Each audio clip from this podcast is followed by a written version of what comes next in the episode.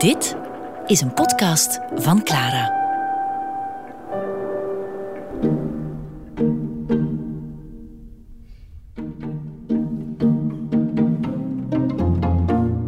Breugel heeft twee jaar in Italië verbleven.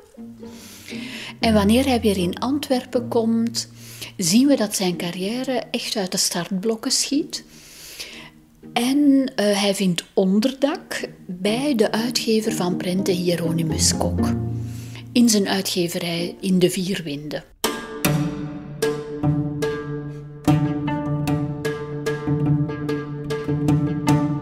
Breugel maakt naam met een reeks Alpenlandschappen. Dat is een faam die hem bijgebleven is, want 40 jaar later schrijft Karel van Mander dan in de eerste biografie men vertelt over Breugel dat het leek alsof hij de Alpen onderweg had ingeslikt en dat hij ze eenmaal terug thuis had uitgespuwd op papier en op plaat en op paneel. Dus die wereld van de bergen had een enorme indruk op hem gemaakt. Ja, Breugel was op en top een mens uit Brabant, die kende misschien wat heuveltjes, maar dat was het dan ook.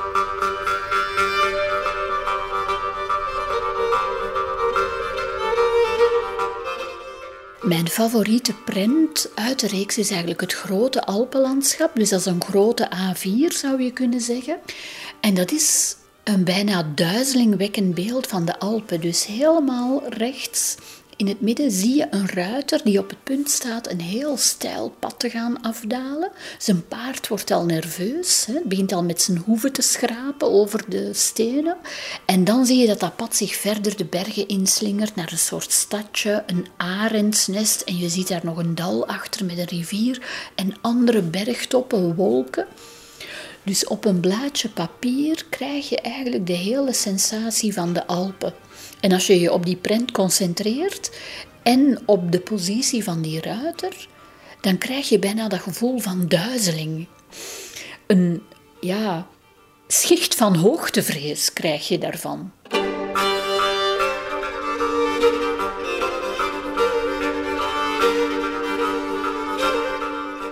Kok was een heel gewikste ondernemer.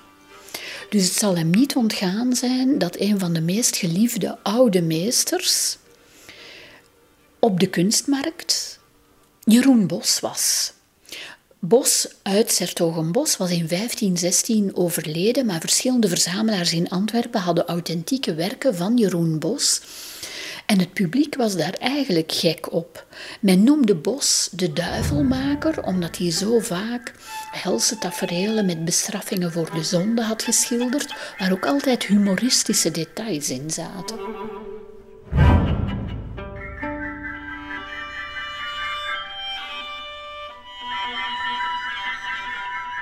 En Hieronymus Kok heeft eigenlijk gezien dat Breugel daar ook goed in zou zijn en heeft Breugel een beetje in de markt gezet als de nieuwe bos.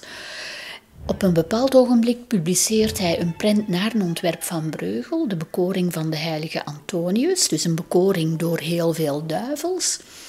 En hij zet daar simpelweg de naam Jeroen Bos onder. En dat sloeg aan. En Breugel krijgt als tweede vorm van beroemdheid heel gauw die bijnaam de Nieuwe Bos. Men kende hem zo en hij maakt dan die prachtige reeks prenten De Zeven Hoofdzonden. En elke hoofdzonde bood natuurlijk de gelegenheid om heel veel satirische en grappige elementen daarin te verwerken.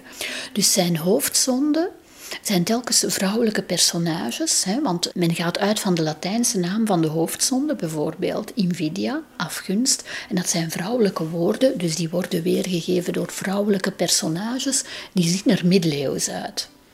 En daar rond krioelen dan mensen die aan die zonde ten prooi vallen, maar ook allerlei demonen die die zonde uh, concreet in beeld brengen. Breugel gaf zijn uh, klanten en de klanten van Kok echt waar voor hun geld. Naar zo'n print van Breugel met een hoofdzonde kun je dus uren, dagen, weken kijken en altijd nieuwe, grappige details zien. Dus daarmee was eigenlijk de naam van Breugel gevestigd. De nieuwe bos. Even goed als bos. Misschien zelfs beter, want later begint hij ook te schilderen in de stijl van Bos en dan breekt hij helemaal door.